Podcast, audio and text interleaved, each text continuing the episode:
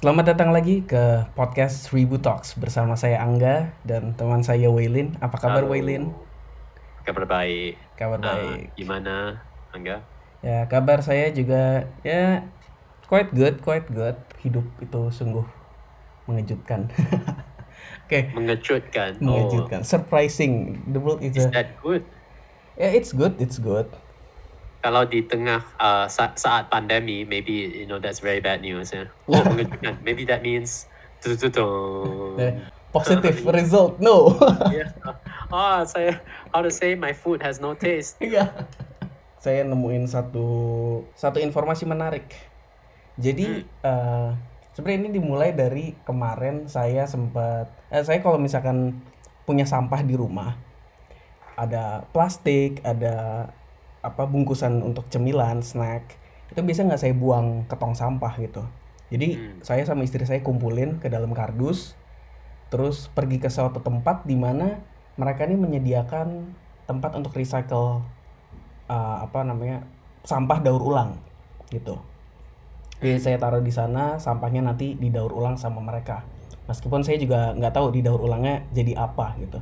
Tiba-tiba saya keingat dulu kita di luar podcast kita pernah ngobrolin Indonesia menghasilkan 64 juta ton sampah. Setelah itu saya langsung mikir, ini jangan-jangan nggak didaur ulang lagi nih sampahnya. Saya kepikir sempat kepikiran gitu. Eh, di artikel yang waktu dulu kita sempat baca Ya. ada diinfoin 60% ditimbun ke tempat pembuangan akhir. 30% tidak dikelola dan hanya 10% yang didaur ulang. Ya. Only 10%. Bayangin. Hmm. Nah, terus kemarin saya lagi buka-buka Instagram terus saya dapat iklan. Apa nih? Ada satu perusahaan bernama Byfusion. Dia ini startup asal Los Angeles. Hmm. Dia ini mempunyai misi untuk mengubah semua itu. Jadi yang tadinya tidak bisa dikelola, tidak bisa didaur ulang, jadi bisa didaur ulang sama mereka plastik-plastiknya. Terus saya pikir didaur ulang jadi jadi apa gitu, jadi baju atau jadi apa. Nah, ternyata ini hal yang sungguh mengejutkan. Maka tadi saya di depan ngomong mengejutkan kan dunia itu. Nah, jadi si Byfusion ini dia mem- memiliki sebuah teknologi, memiliki sebuah mesin di mana ada kombinasi uap dan compressions untuk membentuk semua jenis plastik, every kind of plastic, bahkan yang tidak bisa didaur ulang menjadi block of concrete, blok bangunan. Wow, that's great. Ya, blok bangunan mereka sebutnya ini by blocks. Oh. Terus saya ngeliat ini bisa dijadiin apa gitu ya. Saya ngeliat videonya dijadiin jadi tembok, tembok rumah, dijadiin untuk pagar, dijadiin untuk halte bus, ya, anything, dinding dan lainnya dia bisa melakukannya itu. Pas Oh. saya saya baca-baca ternyata ya bintang utamanya sebenarnya bukan si Byblocks tapi mesinnya ini. Mesinnya namanya Blocker. Uh, mesin inilah yang bisa menciptakan sampah-sampah tidak bisa dikelola menjadi kelolaable. Kelola Eba. it's very colorful. Ya, Yeah. ya, it's very colorful. Uh, buat audience yang pengen lihat kayak gimana proses pembuatannya, kayak gimana hasilnya, coba cek di blog 1000. Saya udah taruhin di show note juga bentuk-bentuknya seperti apa. Nah, Ah. Jadi eh, mereka ini setelah melakukan bertahun-tahun research and development, eh, perusahaan ini telah memasang banyak banget unit produksi apa namanya tadi namanya blocker itu di seluruh negeri Amerika Serikat dan bisa memproses 450 ton plastik per tahun. Nah, 450 ton itu dari 12 mesin blocker. Nah, apa kabar kalau misalnya mesin Oh. blockernya sangat banyak gitu ya. Nah, Yeah. Nah, hal satu hal yang saya pikirin gini sih, yang namanya plastik itu kan harusnya di bayangan kita pasti lebih ringan dong, Ah. ya kan? Dan Ya. ternyata betul, uh, this block of concrete, uh, well, block of plastic Ah. ini beratnya 10 pound lebih ringan dibandingkan blok semen. Oh. So untuk size yang sama lah. Ya, size yang sama, beratnya ya lebih ringan gitu. 10 pound 10 lebih ringan. pound. 10 pound I think that's around 5 kilogram or 10. Kayak 5 deh, 5 kilogram. Iya, I think uh, kurang kurang sedikit mungkin empat empat setengah Ya, Gitu. sekitar 4 4 setengahan ya gitu. sekitarnya. Hmm, hmm, hmm. Nah, Iya. eh menariknya lagi mereka nih eh, mereka si block of plastik ini bisa dilapisin dengan bahan apa pun gitu atau dibiarin terbuka makanya di foto-fotonya kelihatan kayak colorful kan nggak dicat Hmm. nggak diapa-apain cuman ya well that's plastic dan kalau misalkan kena sinar matahari pasti rentan kan jadi tetap bisa dilapisin kayak cat yang cat anti sinar matahari kan ada tuh cat UV atau pakai aqua proof gitu biar dia bisa tahan lama. Oh yeah, actually that's a real problem, right? Kalau Mm-mm, mm-mm. uh, didedahkan ke cahaya matahari kan plastik dia bisa how to Meleleh. say it will melt, right? Iya, it will melt. Mm. Nah, di sini dia dikasih tahu juga bahwa sistem ini bekerja dengan hampir semua jenis plastik jaring ikan tapi nggak termasuk styrofoam. Nah, problem lagi nih si styrofoam. Mungkin nanti Biofusion akan mengeluarkan teknologi baru untuk mengelola si styrofoam ini kali ya. Nah, Oh, dan karena plastiknya ini nggak meleleh tapi menyatu fusion ya sesuai dengan namanya by fusion oh. mereka ini nggak pakai lem nggak pakai perekat untuk eh, apa untuk membuat itu jadi kayak satu balok kotak gitu. Jadi bener-bener ya dipres aja sama mereka gitu. Dan mereka karena tahu ini nggak usah apa bisa menggunakan plastik yang tidak bisa dikelola sebelumnya Hmm. Uh, dan ini bisa dikelola 100% ya mereka nggak perlu nyortir-nyortir lagi. Kayak semuanya dimasukin ke dalam mesinnya udah di press and there you have it. A block uh, a, plas- a, a block made out of uh, plastic terus saya jadi Oh. mikirin wah kalau saya punya rumah tapi rumahnya dari plastik kayaknya menarik gitu ya mungkin nggak nggak tahu sih apa ada bau, ya itu ya itu dia sih right? Mm-mm, betul betul Karena Uh, kalau misalnya plastik kena matahari gitu, pasti bau kan. yeah, Ya baunya tuh Yeah, pasti right. menyengat banget, kimia banget gitu baunya. Nah ini yang Yeah, saya nggak tahu yeah. nih. or maybe they can mix in, they can mix in something, yeah. Uh, how to say this uh, bahan um, bahan wangi. I mean, sometimes some some kind of chemical make it smell nice. Hmm, hmm, hmm. Yeah. Uh, anehnya, I thought you know uh, dari gambar. so another thing is this dari gambar kelihatan uh, how to say the uh, the surface Mm-mm. uh, tidak smooth ya, Iya, kasar, nah, betul betul. kelihatan kasar. But um, in the Fast Company article, uh, contoh apa nih this uh, pondok yang dibina Mm-mm. dia uh, the surface is smooth.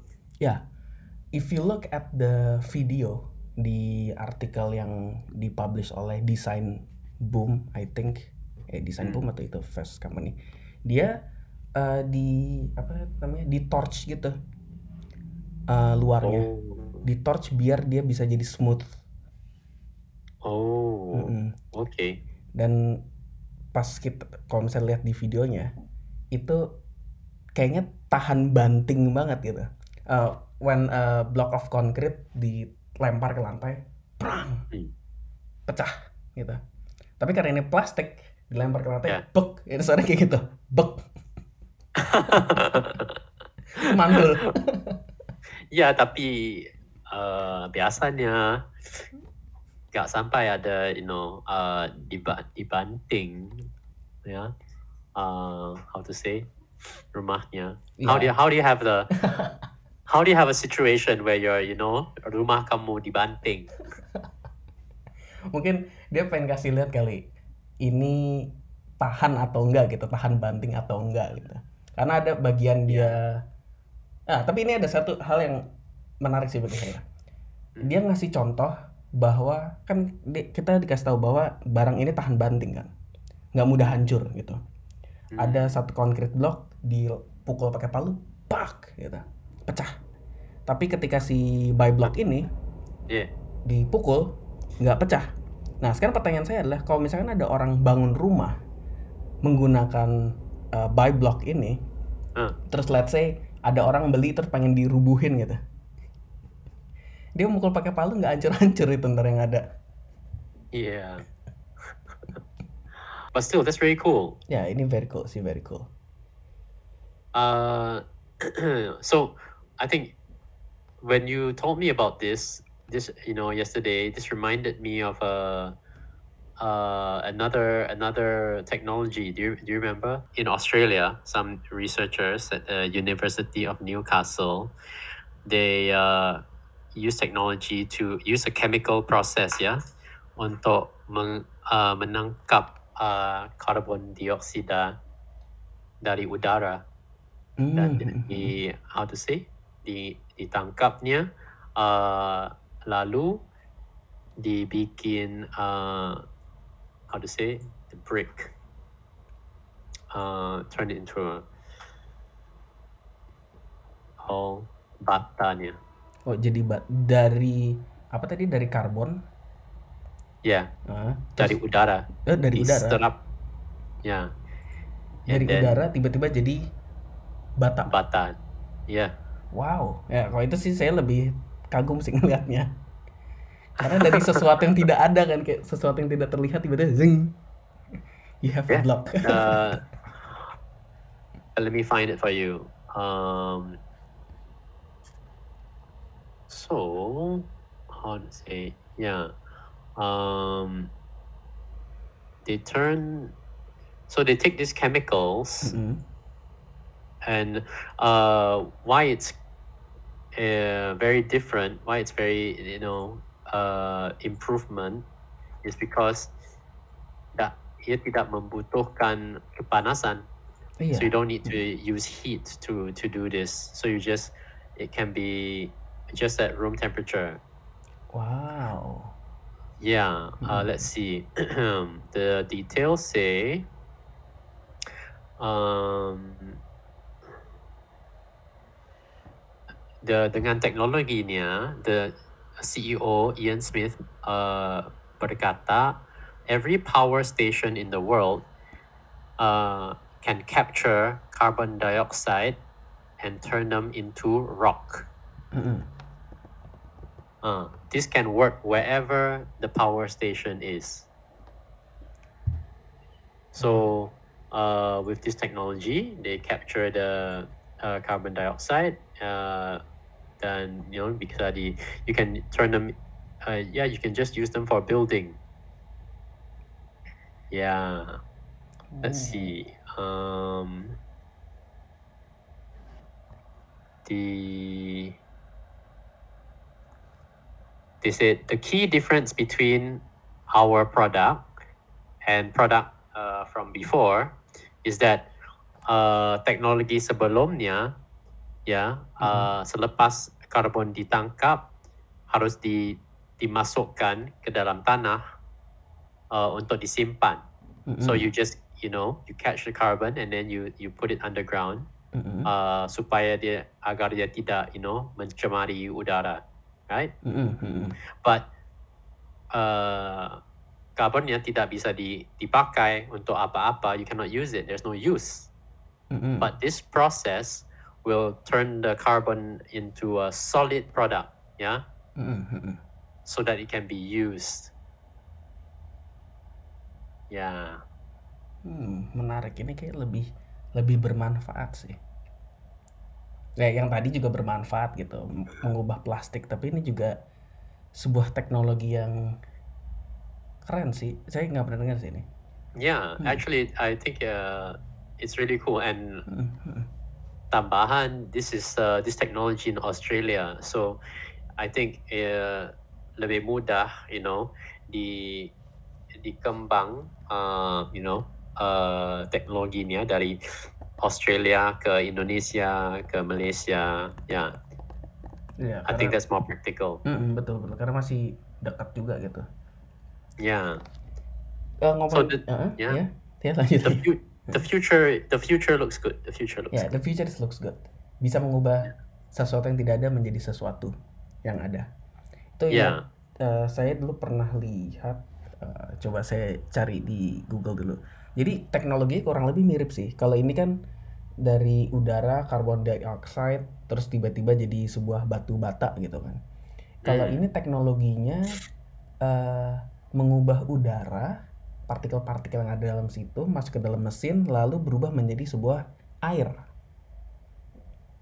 Itu wait, saya coba cari dulu. Hmm. teknologi water water from air. Oh, Oke, ini deh. Israel Okay, Technology. Water from Air, Watergen. Israel Watergen. uh, technology is set to convert air into clean drinking water for Native American communities in the United States. wow. Wow. Okay. Uh, di sini bilang a But why don't they have water? I'm sure they have water. Why don't they have water? ya kecuali kalau misalnya ditaruhinnya di let's say tempat-tempat yang susah ditemukan air. Nah, Afrika misalkan, nih di, yang di gurun uh, safari sana kan susah untuk dapetin clean water kan. Mungkin kalau ditaruh di situ lebih bermanfaat. Hmm. Ya nggak sih? Makes sense. Nah, ini saya ada dapat uh, di article. I'll share it with you. This is a very funny piece of news because um, if there is a if there is a Native American community Mm-mm. that cannot get clean water, Mm. will they still exist?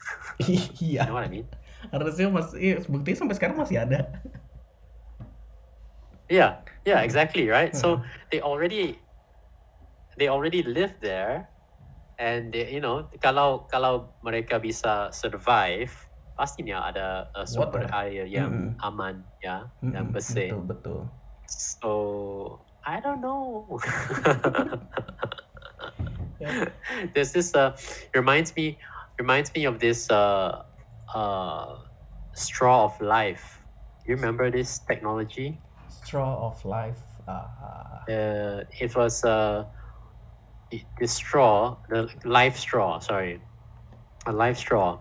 If you take the life straw, uh, it's a very big straw. You can drink water from dirty. You, oh, you can drink dirty water, and it will filter it. tahu tahu. Heeh.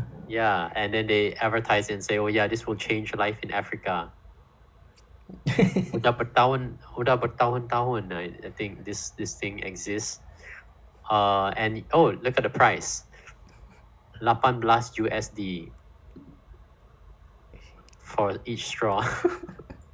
Yeah. so I don't really know if it's going to change the life of Africa. Right? Iya iya betul betul. Uh, Ya, di Indonesia mahal harganya. oh yeah from 2005 wow Wow. such a long time Life straw. Oke. Kadang saya jadi kayak kepikiran gitu. Eh, air kan sesuatu yang bisa kita dapetin di mana aja. Ya kan kayak kita ngeliat dari tahun-tahun lalu orang masih minum air dari kendi, dari sumur ya. Mereka sampai sekarang sehat-sehat aja gitu. Terus tiba-tiba muncul air kemasan. Ya, diklaim airnya lebih sehat terus tiba-tiba laku dijual. Kadang saya mikir air dalam kemasan itu adalah barang yang sebenarnya harusnya nggak laku dijual, tapi entah kenapa laris. Konsumsi air kemasan ja- jadi lebih tinggi, terus orang-orang yang minum sumur tiba-tiba rendah gitu. Padahal kan kalau air sumur itu ibarat kata kayak gratis, bisa diambil di sumur gitu. Air kemasan kita harus ke uh, supermarket dulu, terus kita harus beli dulu barangnya. Tapi iya. Jadi kayak menarik aja kok air kemasan yang berbayar malah jadi lebih banyak yang minum gitu dibandingkan sumur yang gratis gitu dan bisa kita masak sendiri gitu. Hmm. so this uh I think this fenomena ini uh, uh, kelihatan di di seluruh dunia Hmm, hmm. ya bukan saja di Indonesia ya uh, I don't know why Nah, itu dia. The world is a very strange place. Ya, phrased by Weilin. okay, stop it. the, but yeah, I don't know why. The I saw I saw a very interesting video uh dua hari lalu. Mm-mm. So there's a guy on TikTok talking about uh different water Mm-mm. in the in the grocery store. So ada uh, ada yang yang uh, datangnya dari uh, gunung-gunung, you know, the uh, Eropa, Mm-mm. uh, and so on and so forth. And uh, you can find yeah Evian, Evian, Yeah. Fiji water, Uh-uh. Tahu, Fiji tahu, water. tahu. Yeah. So he said that yeah, these are really from you know the uh, natural natural water. Very good, very good. Mm-mm. And then uh, other kind of water air kemasan Mm-mm. dia jelasin oh yang ini uh, oh this one is just uh, tap water Mm-mm. filtered filtered tap he say filtered tap this one filtered tap that one filtered tap so they just take the tap water the company take the tap water they filter it and then they sell it back to you so he said that is uh, uh, garbage because uh, let's say uh, if you if you drink uh, air kemasan kerana uh, kamu rasa oh mungkin lebih sehat Hmm, hmm. lebih uh, bersih you know lebih pure okay that's good but Mm-mm. if you are buying the filtered tap water then it's it's still tap water yeah it's still tap water. yeah Heeh. so I think yeah, some people think that okay, you know, they want to drink more healthy drink. So saya agak minum soda, uh, tapi you know saya juga agak minum uh, air sumber terlindung. Mm-mm. Maybe I, I think that uh, what's this what's this uh, fluoride? What's fluoride in? I don't know what's fluoride in bahasa. Tahu? Yeah. So anyway, you, you put it in the water. Mm. Uh, normally untuk uh, jaga gigi. Oh, yeah, yeah, iya. Heeh, Tahu tahu. Yeah. So some people don't want that, right? They think, oh yeah, ini uh, ganggu kesehatan. Iya. So Chemical. they they rather drink, you know, air kemasan. Mm-mm. Um, so that's that that happens. Um, but uh, um, looks like there's still there's still a lot of marketing, you know, to go on to say like, okay, minumlah air kemasan ini, tapi uh, sebetulnya, yeah, it's just tap water that has been packaged up, and that's not very, it's no different, yeah, mm-mm. Betul betul. yeah, Baru-baru ini juga kalau misalkan ngelihat ini perbedaan iklan ya. Eh, saya ngelihat iklan, let's say iklan Aqua gitu zaman dulu, eh, zaman dulu, pas saya masih kecil.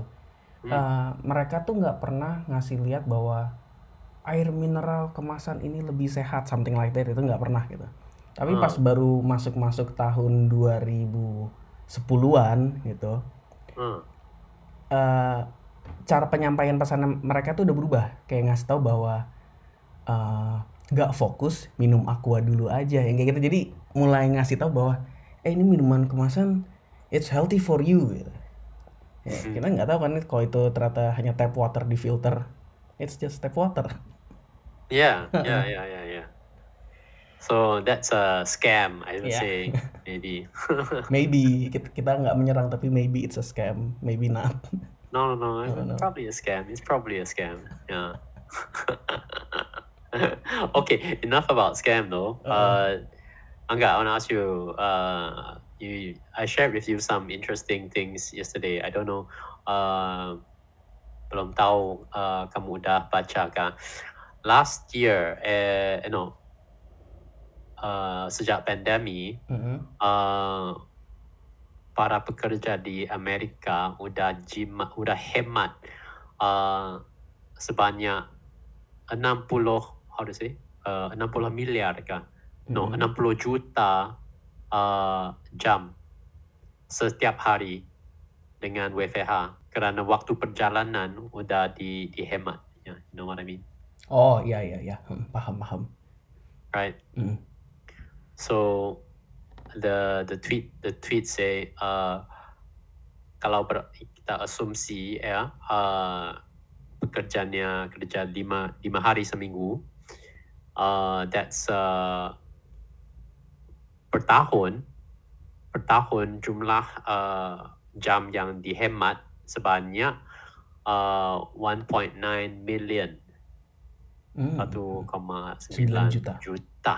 Mhm. Wow, that's a lot of years.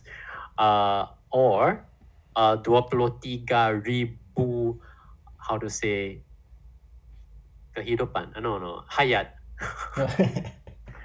right? Iya, Does that iya. make sense? Yeah. So it's a super, super long time. That's a lot of time saved. 60 million hours per day. Wow.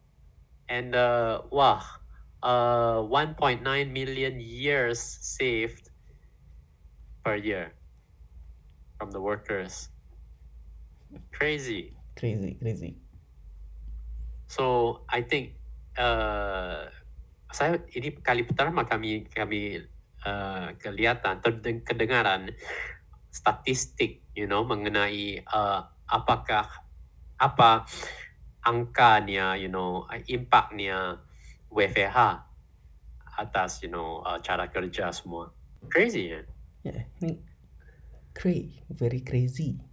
Yeah. Uh, don't know. Do you know anybody who's still going to the office every day?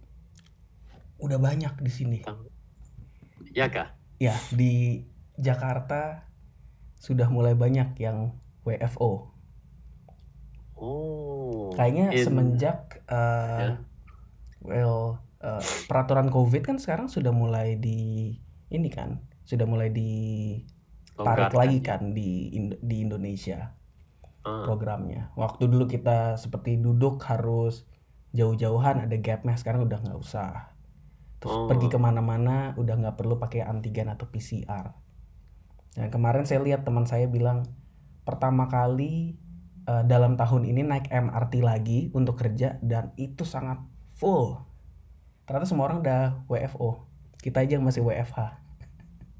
Hmm. Wow. Okay. I had no idea. The that's that's pretty crazy. Ya that's pretty crazy. Kalau di eh, Singapura gimana tuh saat ini kondisinya? Uh, banyak perusahaan yang uh, merubah uh, menjadi half-half. oh, So oke. uh, hari Senin. Selasa, Rabu uh, di kantor. Mm-mm. Ya, Kamis, Jumat di uh, WFH. Oh, oh selang-seling ya berarti setengah-setengah Yeah. Ya, ya, ya. So I think I think that's okay. Padahal I mean I think that this uh, uh, three days three days in office udah udah sangat popular. Uh, saya ingat Google juga di di Amerika Mm-mm. uh, polisnya sekarang sama aja sama di sama ini um, tiga hari di kantor dua hari di rumah. Hmm, hmm, hmm. Yeah, so Google's also doing the same thing. Ya. Ya, belum tahu uh, apa Google di Indonesia juga pakai no polis tiga hari rumah, eh tiga hari kantor dua hari rumah. Hmm. Biasanya sih kalau kayak Google harusnya dia tetap mengikuti dari yang pusat ya. I remember that Google actually wanted to get everybody back to the office. Cuman uh, in in Google the employees are very uh, powerful because uh, their their employees are very important, right? Hmm, hmm, hmm. um, they pay their employee, employees a lot and they they take care of their employees a lot. So the employees like WFH. So Google in the end, you know, apa compromise. Hmm, hmm, hmm. Yeah. So okay, about half half. Yeah. Biar win-win Yeah. solution lah gitu kan.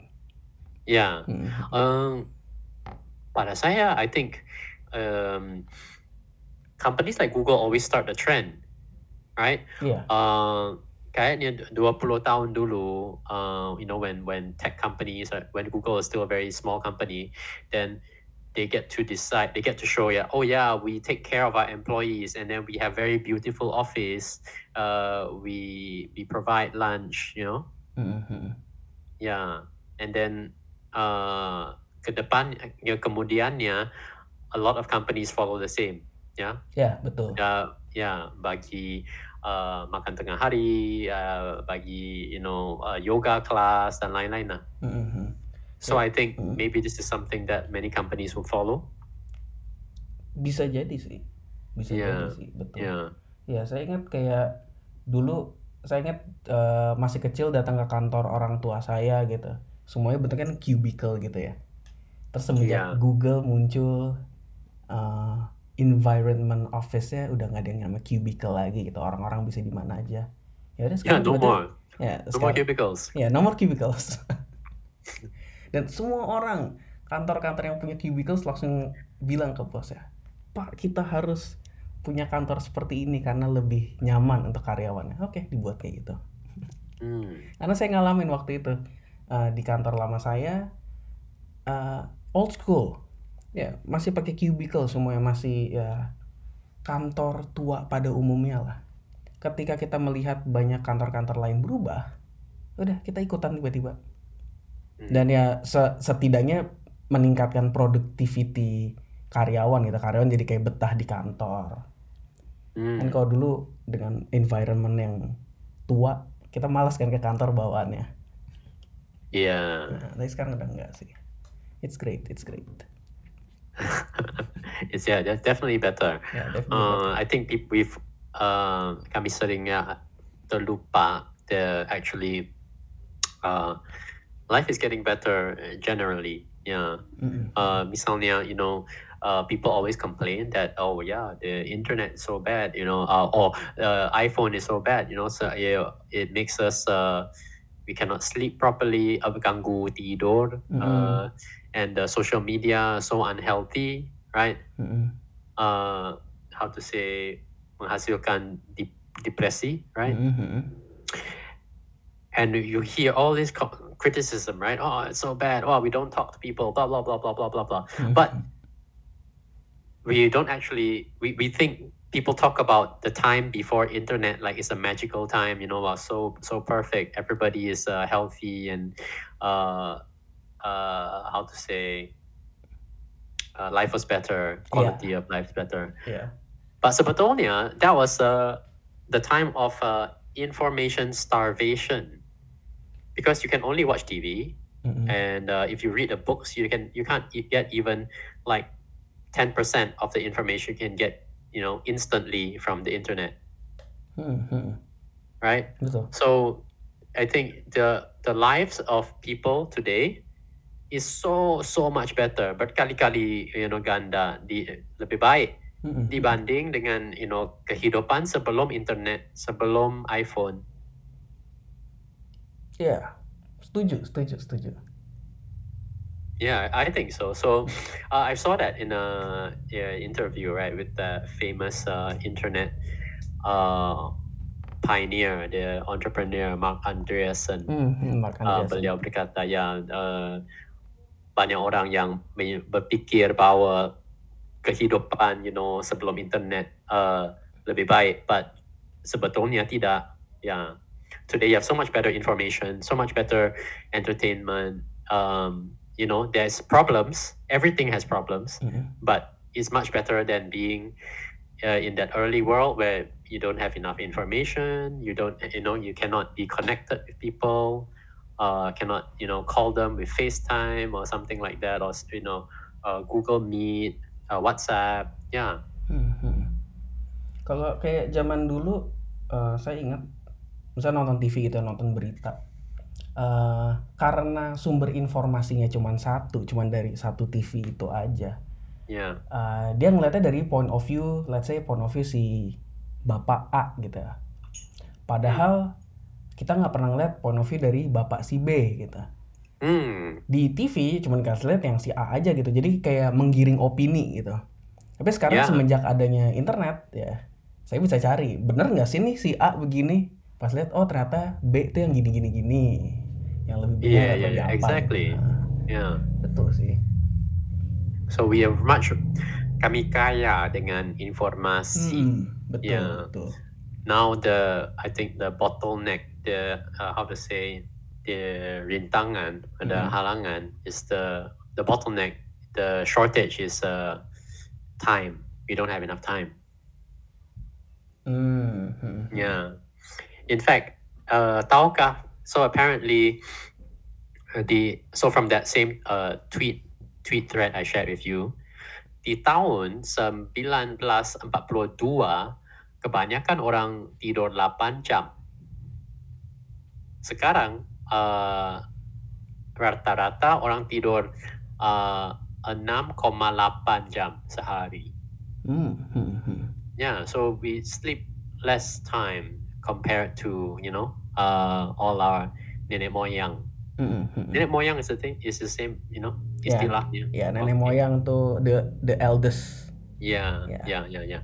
So, uh, maybe this uh this is uh related, right? We work more, we uh have more activities, and we have more information, and now we lie in bed and with our iPhone. Yeah, Hmm, hmm.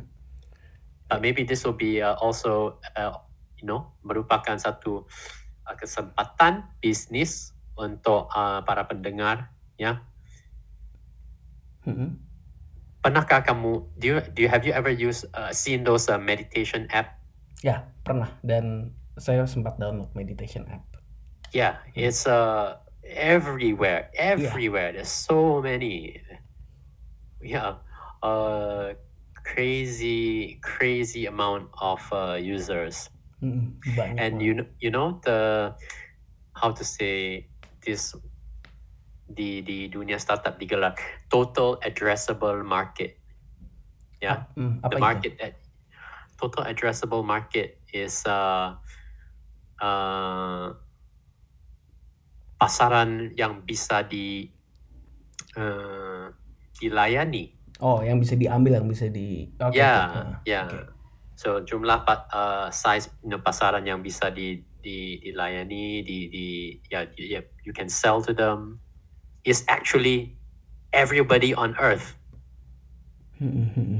Setiap, setiap orang di dunia. Literally, you can sell to everybody. It's it's great. Everybody wants to sleep better. Iya, iya, betul, betul. Ya, semua orang tidak dikecualikan. Like even if you sleep very well, like I, I feel that I sleep quite well. I still want to know like can I sleep better? Iya. Saya juga dulu eh, sempat kayak tidur oke eh, bisa tidur lebih cepat dan lain-lain. Tapi saya selalu entah kenapa dapat iklan terus kan kayak meditation something gitu. Do you want to try a deep sleep? Wah, saya langsung mikir, wah ternyata ada ya Yeah. tidur yang lebih nyenyak. Saya download. Oh. saya kemakan iklan. How was it? Ya sama aja sih. yeah, I think a lot of the uh, optimization for for health for Hmm. life uh, kebanyakannya bisa you know menghasilkan perbedaan uh, pe- perbaikan sebanyak 5%, you know, something like that. Hmm, Every time you make one change, maybe it's 5%. If you're lucky, it's 10%. Hmm, hmm, hmm. jarangnya ada you know apa-apa yang bisa you know uh, menghasilkan perbedaan you know perubahan yang gede Tinggi, sebanyak like oh my gosh my you know I I can uh, I I feel like I'm 50% better Hmm. 100% better No. yeah no nothing nothing does Nothing. that yeah except maybe I mean the big misalnya one the biggest the biggest most powerful thing the medic uh, medication maybe Hmm. that we all take. Tahukah? Can you guess what it is? Everybody takes it. Everybody takes it vitamin C, bukan? Coffee, Oh, coffee. Okay. right? And coffee it really works, right? It really, really works. Works on everybody, almost everybody, right? Hmm, hmm. Yeah, that's uh, the most common, most powerful thing that uh, we take. If anything else was so powerful, everybody would know about it Hmm, hmm, because it'll be so powerful that everybody would know it, right? hmm, hmm. Betul, betul, betul. Yeah. So this is definitely uh, nothing comes close to coffee. Everything else you do, yeah, can be good for you, maybe pribadi, right? Hmm, hmm. Because maybe uh, some people are more sensitive to sugar, some people are more sensitive uh, to uh, carbohydrate, yeah.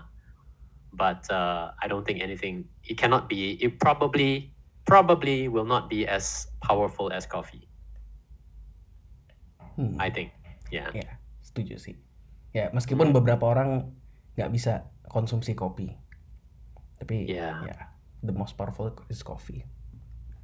Mm.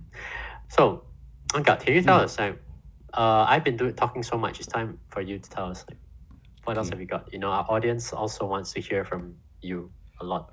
So I must, you know, make sure that you get plenty of time. Oke, eh, mungkin ini salah satu topik yang mungkin sebagian orang udah tahu, tapi sebagian orang juga belum tahu. So I just learned that Dubai uh, creates their own rain. Oh, wow. Wow. What? Ya saya baru kemarin eh, coba riset-riset. Jadi memang eh, secara harfiah ya, secara literal literally kalau kita bisa mengendalikan cuaca mungkin jadi keinginan paling berharga bagi seluruh umat manusia. Wow, saya pengen ada salju ya, tiba-tiba ada salju gitu. Saya pengen berhentiin hujan, tiba-tiba ada hujan. Nah, kalau di Indonesia ya, hal-hal kayak gini tuh dianggapnya klinik. Klinik itu ah, mistis, black magic disebutnya. Misalnya kayak tiba-tiba ada hujan, oke kita panggil ada namanya pawang hujan. Dia nyolokin cabe, cabe merah sama bawang merah, ditaruh di Wow. tanah terus hujan berhenti. Wow, klinik sekali. Ternyata eh, hal seperti itu malah ada teknologinya gitu dan orang Dubai itu udah pakai teknologi ini sejak lama. Oke. Jadi ada sebuah teknologi namanya cloud seeding. Nah, do you know cloud seeding? Ya, ya. Hmm. eh, sebetulnya pernah. eh, saya, I think tahun 2008 Mhm. eh, saat eh, Beijing Olympics, Hmm, hmm, hmm, betul. eh, saya kedengaran ya eh, pemerintah Beijing pakai cloud teknologi cloud seeding agar eh, dapat hujan sebelum permulaan eh, Olimpik. Hmm, hmm, betul, betul. Ya, mereka mau mau how to say pastikan cuacanya cerah untuk uh, upacara pembukaan Hmm, Olimpik. hmm. Makanya dibikin hujan duluan kan biar nextnya Yeah, nggak hujan yeah, lagi gitu. exactly. Nah, ya Ya. jadi memang si kalau belum kalau bagi yang belum tahu uh, cloud seeding itu sederhananya mereka tuh ada teknologi rekayasa cuaca. Jadi dia menaburkan bahan kimia ke awan. Kimianya tuh seperti uh, solid carbon dioxide atau dry ice. Terus ada namanya Hmm. juga uh, perak iodida. Disemprotin ke atmosfer ke awan. Jadi Hmm. uh, secara teknisnya struktur mikro di dalam awan itu berubah jadi nempel satu sama lain dan akhirnya membentuk awan yang pembawa hujan gitu. Hmm. Uh, well as we know Dubai kan di gurun pasir ya Ya, dan mereka tuh menggunakan teknologi ini sebenarnya untuk ngatasin krisis air. Sebenarnya eh, mereka sebenarnya nggak begitu kekurangan air sih. Air ada tapi bukan air yang mateng gitu.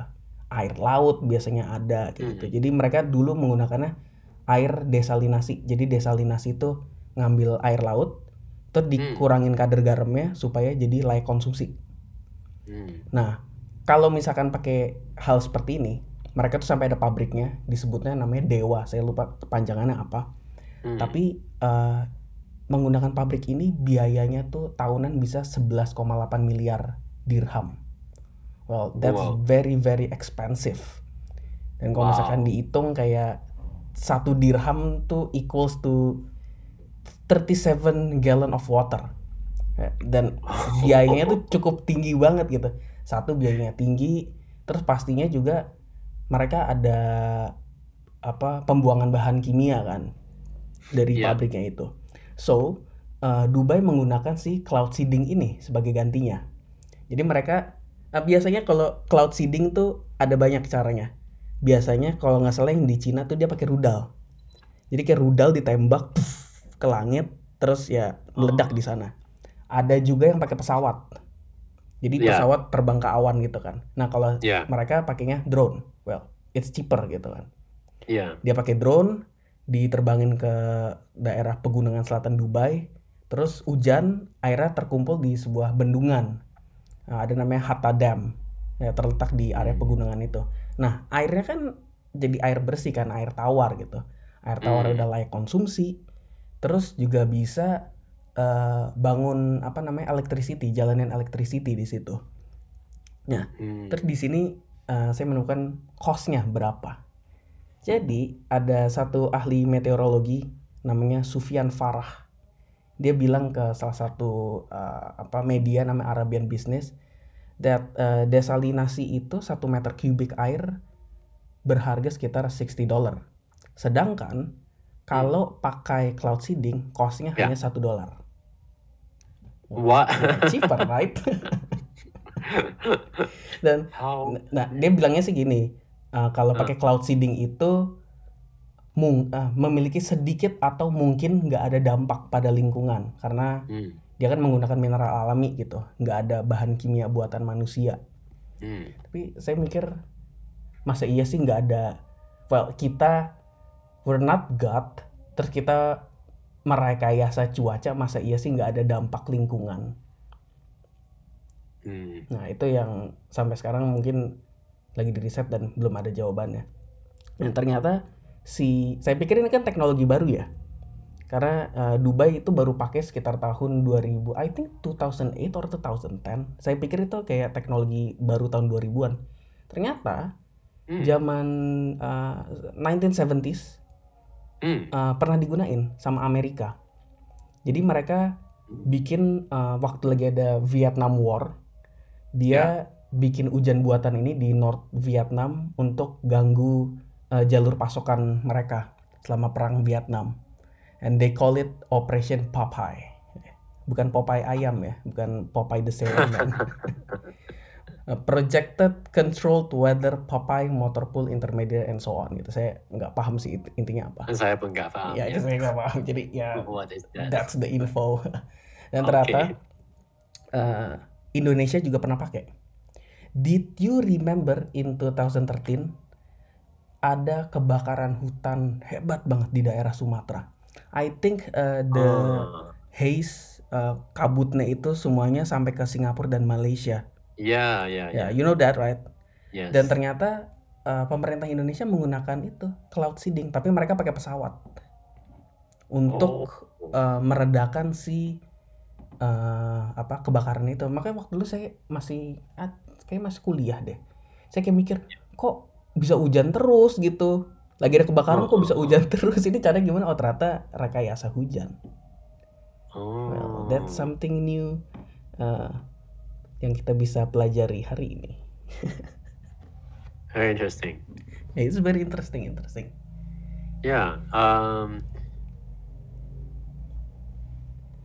I think the this I think I, I heard saya pernah dengar di Singapura Mhm. juga uh, terkadang ada uh, berlaku cloud seeding.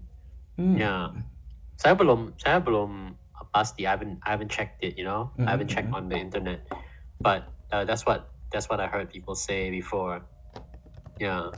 So saya pernah kedengaran, you know, oh, ad, mu- uh, adanya teknologi ini, uh, but I didn't. That's all I know. You told, yeah, you know, what you shared is uh, so much more. Yeah. Mhm. Oh, Singapura pernah pakai sebelum eh, the 56th Singapore National Day celebration. Sehari sebelumnya ada cloud seeding. okay. yeah, I guess I guess that that would be true. Yeah. Uh, they, it wouldn't be so expensive too, right? Because it's a Singapore, ya tempatnya kecil, Iya, tidak harus you know melakukan cloud seeding di di uh, Di uh, meliputi titik gitu. daerah yang luas. It's just this little bit. just little uh, this little bit of cloud ya tembak di situ udah kena satu ya pulau. ya. Kalau mungkin belum belum habis dosnya, you know, Oh, cuma iya. di dipa- terpakai setengah aja. Oke, yang lain uh, disimpan aja. Iya. This year try again. Ya, oke. Karena kecil banget di Singapura. Yeah, yeah, yeah. but it's uh, maybe you know they have to do the targeting properly. Karena Mhm. kalau kalau tempatnya besar, misalnya uh, di Sumatera, Mhm. agak nggak apa-apa lah kamu tembak di mana-mana pun kena Suma- Sumatera. Iya, betul. Tapi di Singapura mungkin, oh ya ya, this is very difficult. Kalau kalau nggak tepat, you know, Masuk ke uh, laut. maka hujan di di tengah laut pun. Iya, it's itu just dia. waste of money. Iya, waste of money. Makanya yang Dubai itu juga dia uh, ngarahinnya ke arah situ, ke, ke pegunungan. Jadi dia maunya di satu spot aja hujannya. Ah, Karena iya, iya. ngambil air air tawar biasanya ada di sana, tapi mungkin karena pemasokannya sedikit, ya udah ditambahinnya dengan cloud seeding itu. Right, right, right. Ya kalau bisa di kotanya ya useless juga, nggak bisa ditampung. Hmm. Exactly, exactly. Maybe everybody just feel nice, yeah. Mm-mm. Uh, but you d- gak bisa ditampung, yeah. Mm-mm. Betul betul. Yeah. Okay, now my turn. Now I'll share you something interesting. Oke, boleh boleh. So, uh, pernahkah kamu, you know, kedengaran uh, ongkosnya, uh, how to say, pendidikan di di kuliah uh, Amerika Mm-mm. makin tinggi. Uff. Ada peningkatan gede uh, sejak tahun uh, 90-an sampai sekarang.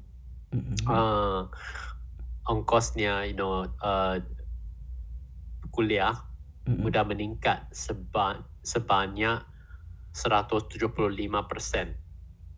Dari tahun 90-an.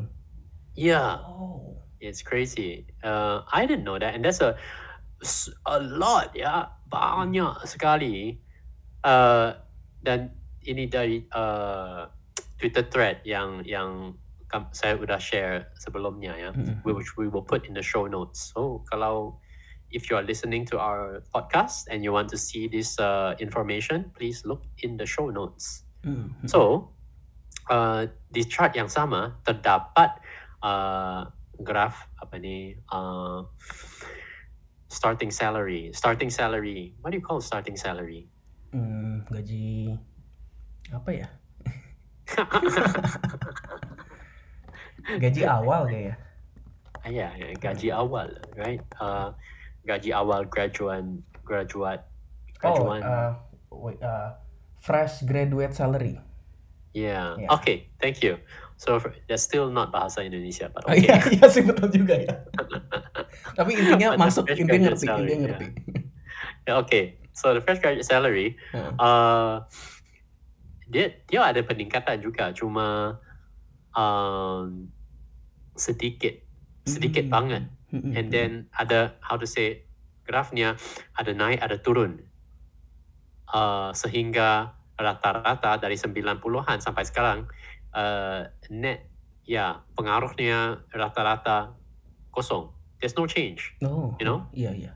So education is more expensive, but the starting salary hasn't changed. Uh, It's quite strange. Mm, mm, mm. Agak aneh. Ya, Really, se- really. iya. Seharusnya kalau misalkan sesuatu yang naik ya minimum salary, starting salary harusnya itu ikutan naik dong mengikuti. ya Yeah, kan? because kalau tidak naik, then uh, how?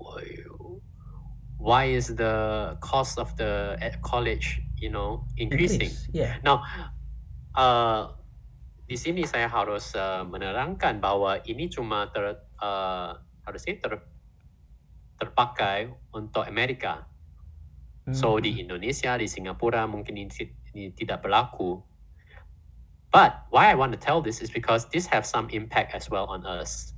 Hmm. Begini, so it's not the cost of uh, our education that go up, Mm-mm. but when the in America when the cost of education is so high, apa yang sering berlaku?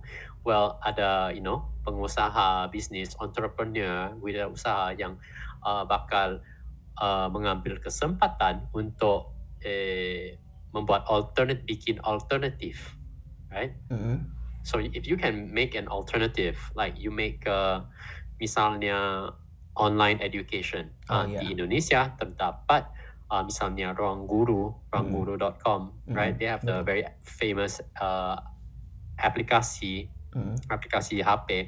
So a lot of people use that. Now, if you imagine, you know, mungkin ke depannya, right? Uh, you go to a, a app or a website like Ruang Guru, and then you get your college education, and you don't have to go to, you know, the real, uh, the real college. Mm-mm. Maybe that's even better. Like Mm. imagine for a mo- yeah, uh, buat sebentar. Maybe somebody like uh, Elon Musk. Elon Musk, he starts several companies, like very engineering companies. Start Tesla, SpaceX, Neuralink, Boring Company, Hyperloop. So maybe uh, he can create a online engineering course. Uh, kalau kalau you know graduate uh, course ini bisa you know layak untuk bekerja di Tesla. Mhm, Now if you have somebody like that, you know, ada calon sebegini, Mhm. apa dia tidak tidak layak untuk kerja di uh, perusahaan you know engineering di Lain. Malaysia atau Singapura atau Indonesia? Tidak, pastinya dia bisa, Mhm, right? Betul, betul. So you can see how uh, bisa kelihatan ya that if you know a person like Elon Musk, you know, say okay, uh, maybe I did he didn't do the course, cuma dia di di, di info kepadanya, oh yeah, there is this course, this is the ini ajarannya, this is the syllabus, you know, Mhm. uh, apakah you know apa Tesla uh, mau mempertimbangkan, you know, uh, mempekerjakan graduate course ini, and then they check and they say, okay, yeah, I accept. Oh, then after that, a lot of companies will accept, right? Mhm, mhm. Betul.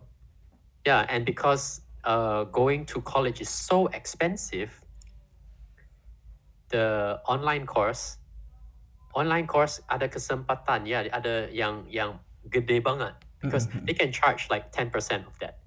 Yeah. So if the if yeah, and 10% of that will be a lot.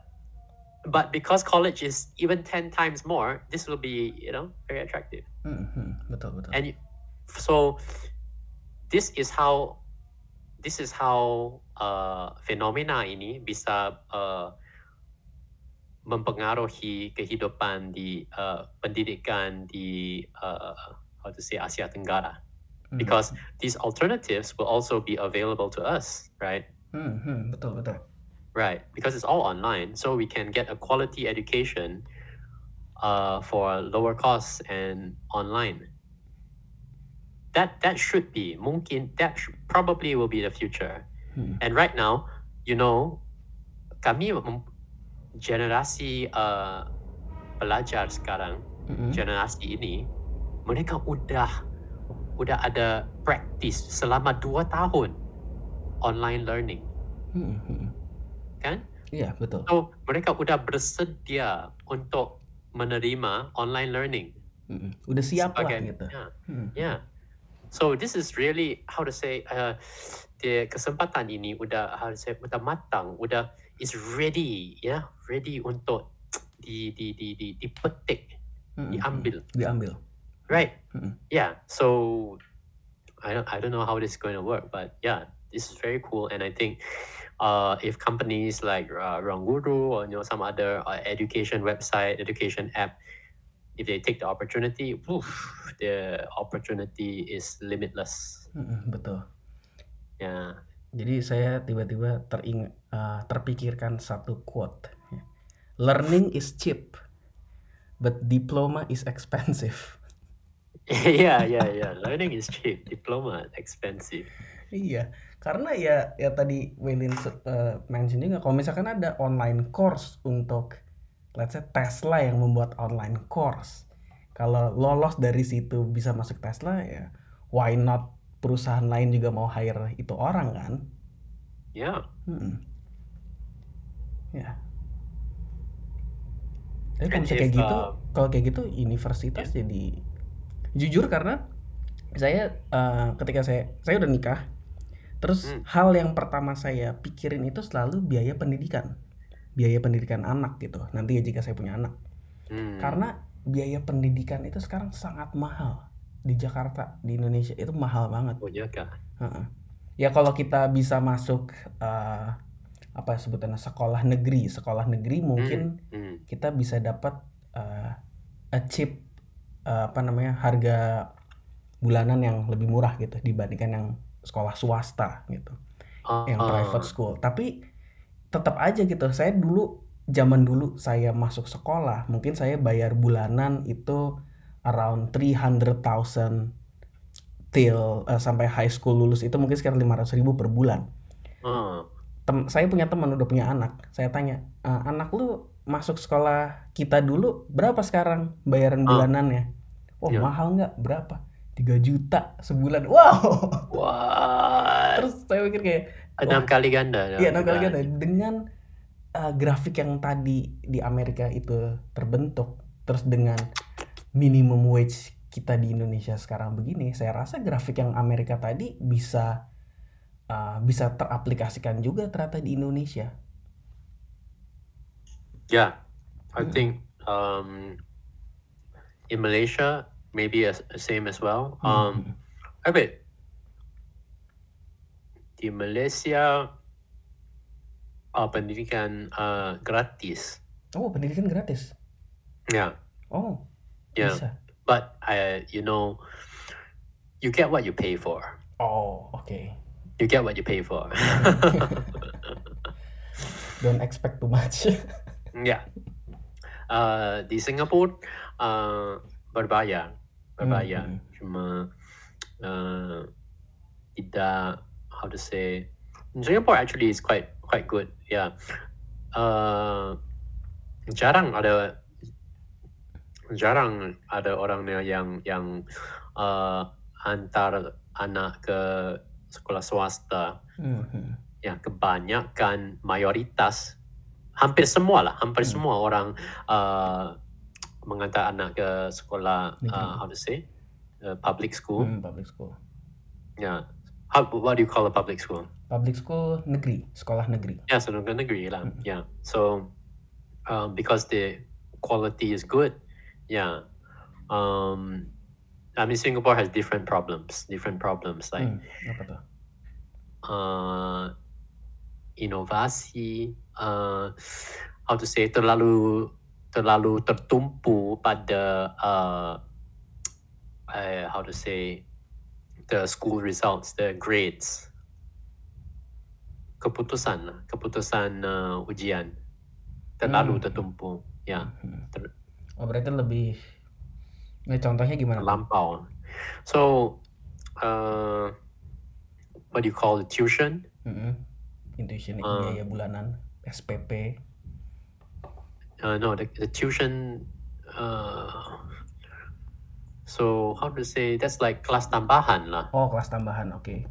ya uh, hampir semua uh, anak-anak uh, ambil kelas tambahan Hmm. and you know, of course kelas tambahan is also swasta bukan Hmm. dari sekolah bukan Hmm, dari sekolah negeri Hmm. now you have to go for these uh, tuition classes and ini fenomena yang wujud juga di uh, Korea Selatan dan Jepang Hmm.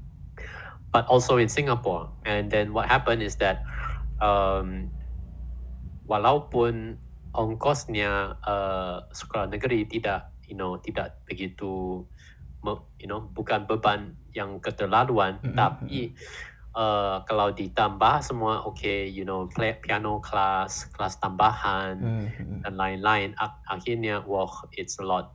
Ya, pembiayaan gede juga Hmm. Betul, besar betul, banyak sekali.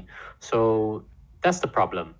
And then uh, akhirnya, so Singapore, if you look at this uh, uh, apa ni ranking, uh, maybe uh, all the if you if you compare all the mathematics, you know, ilmu matematik, Mhm. ilmu sains, uh, Mhm. pelajar pela- para pelajar di Singapura kalau dibanding uh, dengan pelajar-pelajar di seluruh dunia, Hmm. biasanya uh, pelajar Singapura uh, bisa ter- mencapai tahap yang tinggi dibanding dengan pelajar di Dunia. di negara lain, Hmm.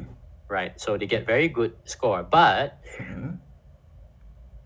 Apa kamu pernah uh, tahu uh, orang uh, ahli saintis Singapura yang uh, yang pemenang Nobel Prize atau you know um, pencipta teknologi baru dari Singapura? Belum. Belum, belum pernah dengar. Yeah, so all the students can get very good score, Hmm. but after that, they go into very normal job and they don't do anything Special. amazing, Oh. right? Hmm. Now, ini juga fenomena yang uh, terdapat di Jepang dan Korea. So, Japan is very educated, Hmm. but uh, apakah kamu, you know, uh, ingat ap, uh, apa ada pemenang, you know, Nobel Prize untuk apa-apa bidang sains dari Jepang? Jarang. Nggak ada. Ya, jarang. Nggak ada. Nggak ada sih, Mm. right? Yeah, so uh, that's I think the same problem. Very good at studying for exam, Hmm. and then uh, not very good at uh, real life. Mhm. Yeah. So you see, uh, if you take the uh, a Google employee, Google employee in Indonesia and Google employee in Singapore, apa ada beda besar? Probably not, right? Mhm mhm. Probably not. It's very si- very close, very close. And then, so what's the point? Why did the Singaporean, you know, work so hard? Right? Heeh heeh, betul betul. So yeah, I don't know. I don't know.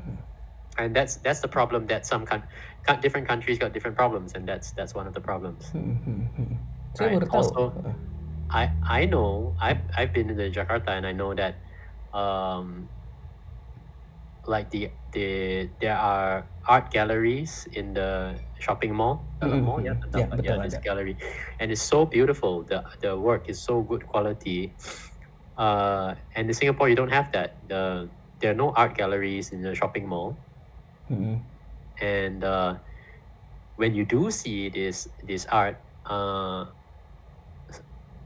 di Singapore kalau ada how to say this exhibition ya uh, seni uh, hasil hasilnya sering sering ada hasil karya uh, artis luar negeri. Oh, dibandingkan artis dalam Singapurnya malah. Yeah, yeah.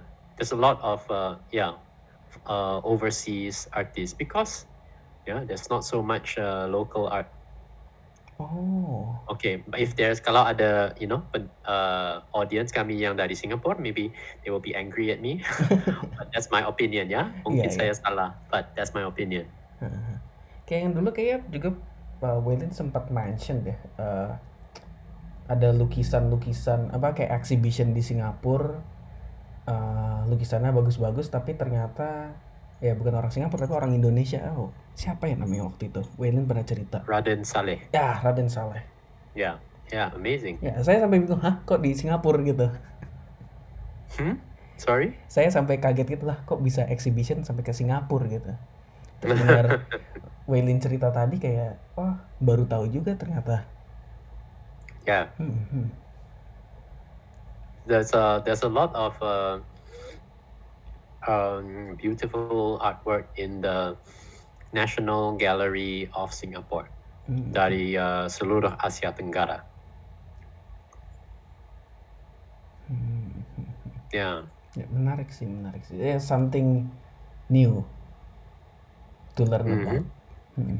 Uh, and it's not like okay, so there's not a lot of uh, great great art in Singapore, but there's also not a lot of great scientists, right? So you don't hear about great scientists or great um, inventor, great scientists or great artists.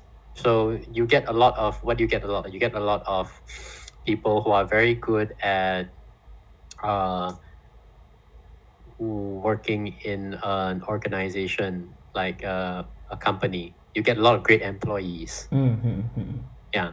So yeah, we have great employees in Singapore. Very great, very good. Follow the rules and uh, work hard and uh, very smart. Um, yeah, but don't ask to do anything new, okay? Because that's quite difficult. ya kalau saya lihat Singapura kayak mungkin lebih ke arah ini ya uh, bisnisnya otak bisnisnya yang lebih jalan Hmm. Yeah, definitely. Yeah. Uh, definitely, definitely. Nah, karena saya ada salah satu uh, well my friend uh, my mother's friend Hmm. uh, he's from Singapore dan dia ya setiap saya ke ke sana dia ngobrol pasti ngobrol bisnis terus dagang terus dan eh, ya bisnisnya yang bener-bener wow banget gitu kayak saya tanya kerjanya sekarang ngapain oh ya saya supply barang barang-barang untuk betting apes Y3 bisnisnya bener-bener kayak jalan banget gitu otaknya kan betting apes Y3 and so on kan luxury uh, brands kan sebenarnya Ah, yeah. Mhm. So I think we can say that um, Singapore very good for trading business. Yes, betul betul. For Ya, trading business, jual beli ya. Uh, Ya. I agree.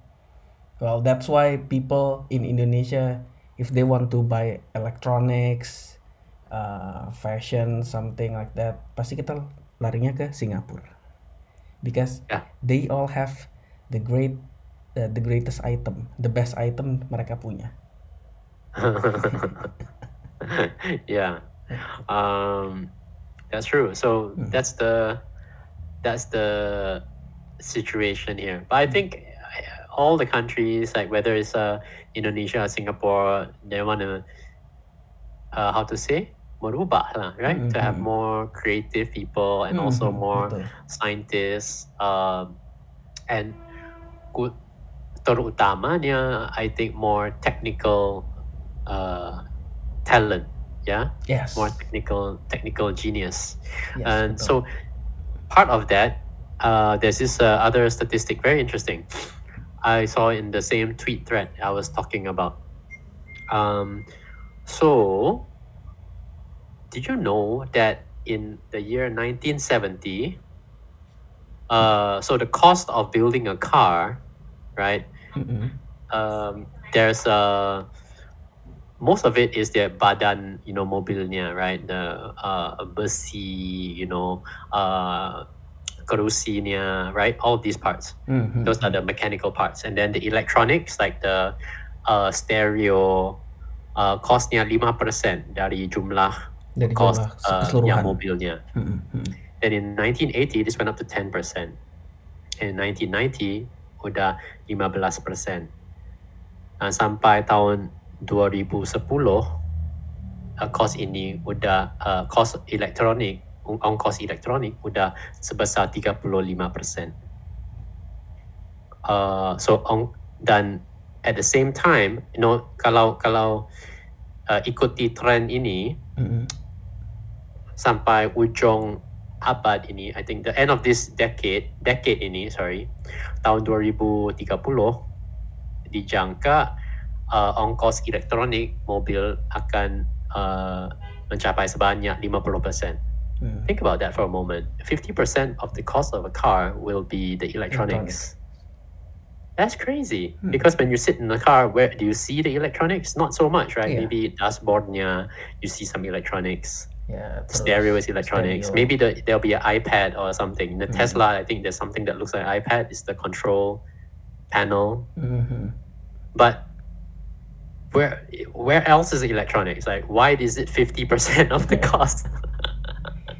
right? Ah, kalau saya pikir mesin ya mesin dari dulu sama-sama aja kan, nggak ada perubahan. Yeah. Apa ya? So from 1970, the cost of the electronics is five percent, and then in 2030, expectasinya, you know, the cost of the electronics will be fifty percent. That's crazy. Mm. So um, you can see that uh, for for uh, all the countries, right? Uh, Indonesia, Malaysia, Singapore. I think we need a lot more um, engineers, Ya, right? technical engineers terutama. Yeah, um, mechanical engineer, software engineer. Mhm, betul betul. Yeah, yeah. I think that's that is uh, what all of the all of our countries are trying to do. Mm. Yeah. That is uh, that is so much so so much uh, talent we need in that in that Position. yeah Mhm. that side. And uh, I think you and I, Anga, maybe you know, uh, maybe we need to start learning engineering. Iya. Siapa tahu kan bermanfaat kita bisa dipanggil kemana gitu bisa. Huh? Dipanggil ke mana? Ya maksudnya kan jadi sesuatu yang bermanfaat juga buat kita gitu. Terus uh, if some company need our help gitu ya kita punya otaknya gitu kita punya ilmunya untuk bantu mereka juga gitu. Well, yeah, that would be great. Hmm. But I don't know engineering. How am I going to help? I'm a marketer. Ya itulah kita harus belajar. or maybe, maybe, you know what we can do? I think uh, because there will be so many engineers in the future, Hmm. we need to have our podcast be very attractive for engineers. We need to Oh. we need to talk about you know podcast topics that are yeah khusus untuk engineer. Then we will survive. Yeah, because there'll be more engineers, but the more engineers will listen to us. yeah. The more success that Seribu Talks will be. Yeah. Yes. Man, and great idea, man. What a great idea. So what do engineers like? We must start thinking. Ah, anime. No, no. Wibu. what? Weeb. kan anime biasa suka wibu biasa engineer kan gitu kadang-kadang. Uh, yes. Okay. What What else? Let's see. Uh, video Ah. games. I don't know. Hmm, computers. Uh, uh, I have no idea. Mentok tiba-tiba. yeah, We don't know okay. thing about engineer. Wait. Enggak. Time Yes. check. How long have we? go- How Oh, long yeah. have we been talking? We've been talking for one hour and 20 minutes. Oh my gosh. Okay. Oh, guys. I we I think uh I think maybe we need to stop. Ya. Oke, eh, sebenarnya sih banyak banget sih topik yang masih bisa kita bicarain, tapi mungkin kita bisa tampung semuanya dan kita akan rekaman di episode berikutnya. Gimana? Are you agree with that? Okay. Yeah. Ya, karena ini good. topiknya udah banyak banget nih sebenarnya, tapi uh, Yeah, look at the time, know, yeah. it's al- already one hour and 20 minutes. and we, we can't stay any longer even Yeah. though we want to. Ya, Uh, because uh, dear audience, we have uh, we have company things, company meetings later on. ya betul betul. Yeah. Okay, sorry Oh. para audience. Yeah. This is our fun time and This our fun have to stop. We cannot have too much fun. Yeah. Yeah. Our fun time is only when in Seribu Talks. And then Company's the rest of the time, our boss make us work very hard. yes, that's true. We, oh, it's very sad. Help us. Please help us by liking and subscribing. Yeah. Hit the likes button. Oke, mungkin uh, let's wrap, wrap it up. Uh, thank you para audiens sudah mendengarkan Seribu Talks. Uh, semoga kalian sangat uh, terhibur, merasa menjadi lebih banyak informasi baru, banyak pengetahuan baru di podcast Seribu Talks ya. So we will see you on the next episode of Seribu Talks with me Angga and Waylin. Thank you. Okay, catch you See later you guys. next time. Bye bye.